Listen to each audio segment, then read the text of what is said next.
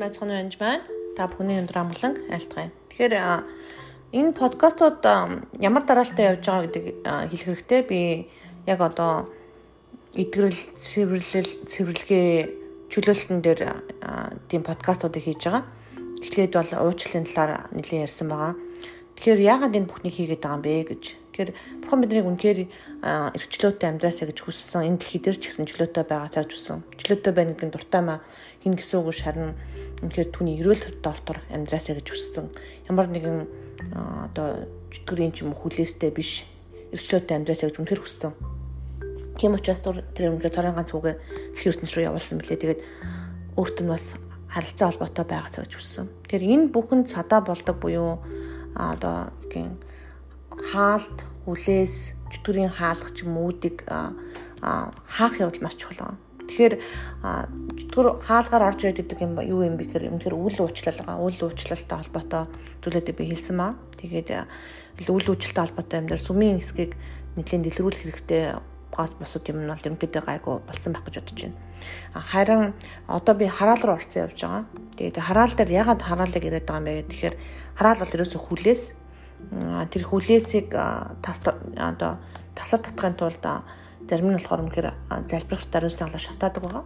Заримдаа бол үнэхээр бидний гим нүгэл буй бидний удмын хийсэн гим нүглээс болж үлдсэн тол байх юм бол тэр бүгдийг гимшиж цэвэрлдэг байгаа. Гимшээд эзэн дээр ижих үед үнэхээр эзэн бурхан нэгүслэнгүй учраас биднийг уучлал цэвэрлдэг байгаа. Аа тэгээд дараа нь бид нар юу руу орох юм бэ гэхээр traumatize буюу хүүхэд наснд болсон яг тийм хам огцсон яг тархитлагоонд гэмтэл болохгүйч болсон үйл явдлууд бас байдаг. Одоо жишээлбэл гинт одоо тийм жоохон бахта өчтөр харж исэн эсвэл хүн зодуулж исэн хүүхд тахта хүчрхийлүүлж исэн а одоо юу гэдгийг эсвэл аав ээж амар байнгын хараалтаа байсан ч гэх юм уу орхиж явж исэн хайж явж исэн салсан ч гэх юм уу сүултдээ арай жан том болцоо нь салсан хүүхдээ алдсан.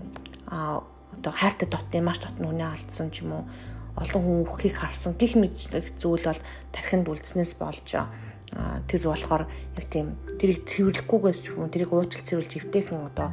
Би бол сүнсний хагалгаа гэж замдаа хэлдэг. Тэрийг хийхгүйгээс болоод яг үе таалга нийлэлтэй буйд чөтгөр төрхөр орох боломжтой болсон байдаг.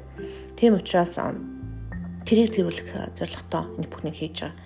А тэгээд мэдээж хараалууд бол дээр бол аман хараалууд байгаа. Ялангуяа аав ээжээс орж ирдэг.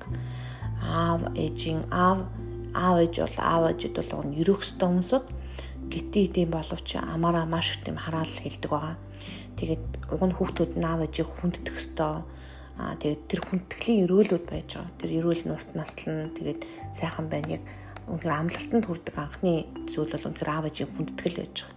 Тэгэхээр гэтэл яг бодит амьдрал дээр үнэхээр хүндтгэхэр хүмүүс биш байгаа юм л да. Аав ээжинч тэр, боосонч тэр одоо сүмийн удирдлага ч юм уу найз нөхдөж төр ямар нэгэн байдлаар тэргүүний гомдоодог эсвэл үгээр дормжилдог хилдэг а ер нь бол янз янзын юм байж байгаа. А хэдий тийм боловч бид заавал хүндэтэх ёстой юу? Хүндэтэх ёстой байгаа. Тэгэхээр энэ дээр энэ дараалал явж байгаа гэдгийг сайн ойлгох ёстой. Тэгээд бид нар хараал ярьж байгаа юу? Хараал ярьж байгаа. Тэгээд дараачийн хараалтай холбоотой нэгэн ишлэгийг та бүхэнд уншийе.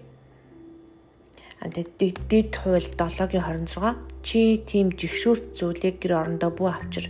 Чи бас түр шиг хараал хүртэх вэ? Чи түүнийг бүр мөсөн жигшиж бүр мөсөн үзэн яад ийгвэл тэр нь хориотой зүйл юм аа гэж хэлж байгаа.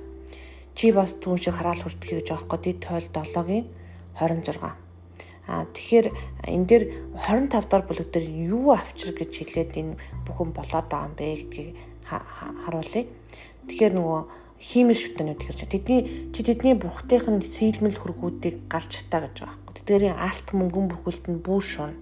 Түүнийг өөртөө бүү ав. Чи түүнээс болж өрхтөөл үзаа.